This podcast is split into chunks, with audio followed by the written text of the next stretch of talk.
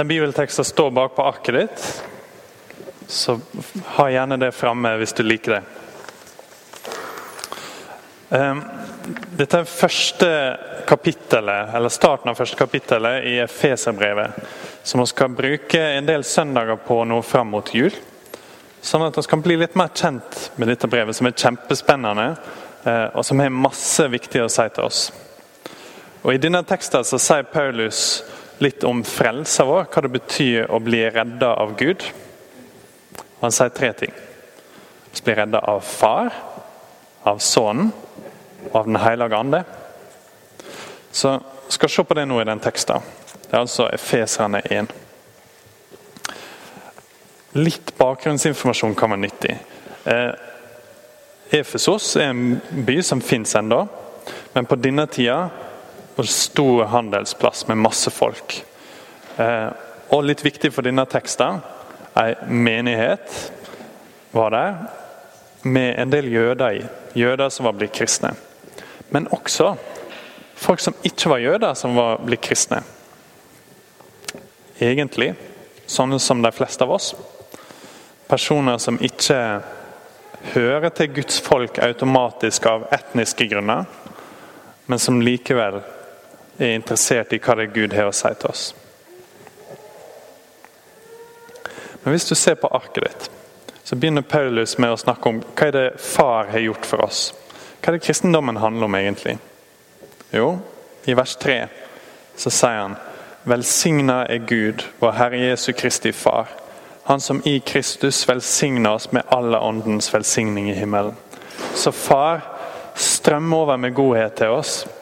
Han har lyst til å velsigne oss i Jesus og i Den hellige ande. Og en av måtene han har gjort det på, noe av det første han gjorde, kommer her rett etterpå i vers 4. I Kristus valgte han oss ut før verden ble grunnlagt. Og i vers 5. Etter sin egen gode vilje avgjorde han på førhånd at vi skulle få rett til å være hans barn ved Jesus Kristus. Og Da tenker du kanskje typisk kristne. Enda en grunn til at de skal være så spesielle, liksom. Her har Paulus akkurat sagt at Gud har valgt noen ut. Hva i alle dager er dette? Det er litt vanskelig å forstå.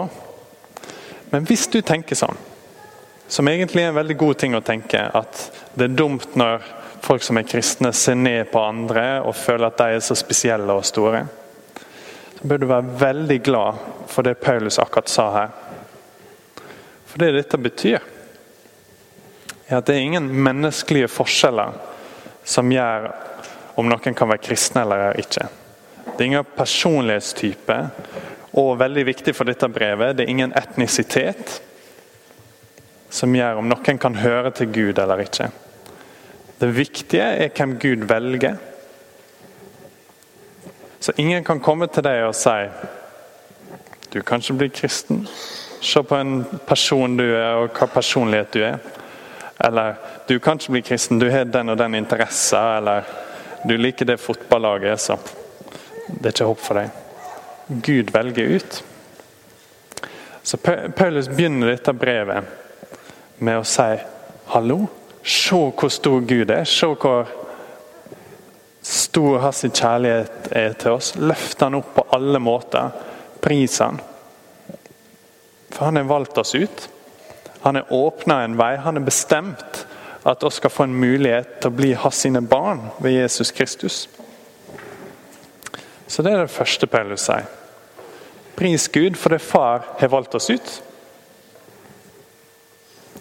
Ok, men det andre Hva er det Gud gjør gjennom sønnen sin? Hva er det Jesus har gjort? Det står der i vers 7, hvis du vil se på arket ditt. I Han har vi fridommen, kjøpt ved Hans blod. Tilgjeving for syndene, for så rik er Guds nåde. Kanskje litt vanskelig å forstå, men det er ganske enkelt, egentlig. Hovedbudskapet i Bibelen. Dette er nyttig å vite enten du var konfirmant for 50 år siden, eller du skal være det snart. Gratis eh, hovedbudskap i Bibelen. Og så er masse verre enn oss har frykta. Bibelen er veldig tydelig på det, at vi har et problem som er kjempestort.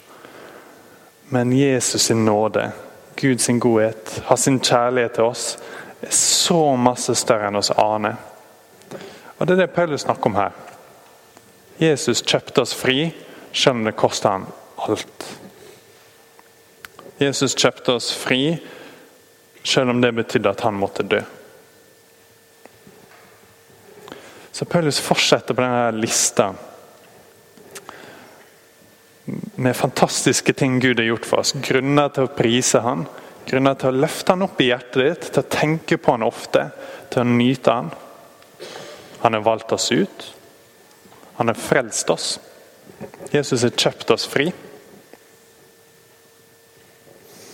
Og Her også kommer et hint til det jeg snakka om i stad med, den etniske greia. Det kommer mer om det seinere, særlig neste uke, egentlig. Men hvis dere ser, så begynner Paulus å snakke om et eller annet mysterium der i vers 9. Og I vers 10 så snakker han om å samle alt til ett i Kristus. Også litt kryptisk, egentlig. Men en av tingene det betyr, er det vi akkurat snakker om. Det fins ingen kristen type.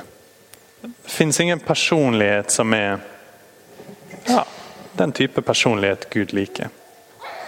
Uansett hvor du er, uansett om du er 100 mil vekke fra noe, så har han lyst til å samle alt til ett i Kristus.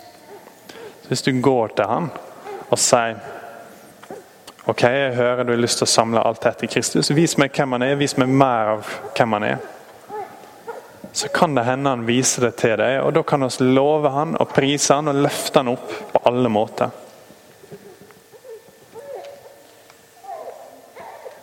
Og En siste måte er helt nederst. I vers 13 så står det I Han hørte det sanningsordet, evangeliet om frelsa dykka. I Han kom det òg til tru, merkte med seglet til anden, den hellige Han som var lova. Så i Far har Gud valgt oss ut. I Sønnen har han kjøpt oss fri. Og i Den hellige ande så har han merka oss med et segl. Han som var pantet som var lova. Det er en annen måte å si at Den hellige ande er en gave til oss. En garanti på at Gud elsker deg, og at han jobber i livet ditt. Og at selv om det går seint, så skal vi en dag bli lik han. Så nok en grunn til å prise Gud. Den hellige ånd er i oss og jobber i oss. Og vi merker det kanskje ikke alltid. Og det kan, kan, være vanskelig å sette fingeren akkurat på hva det er han gjør. Men det han gjør, er stort. Og det er en grunn til å nyte Gud og til å prise Han. Og Det er starten på Efeserbrevet. Vi skal fortsette gjennom det videre nå de neste seks, sju, åtte ukene. Jeg, jeg mista tallet litt. Så les det gjerne hjemme når du har tida.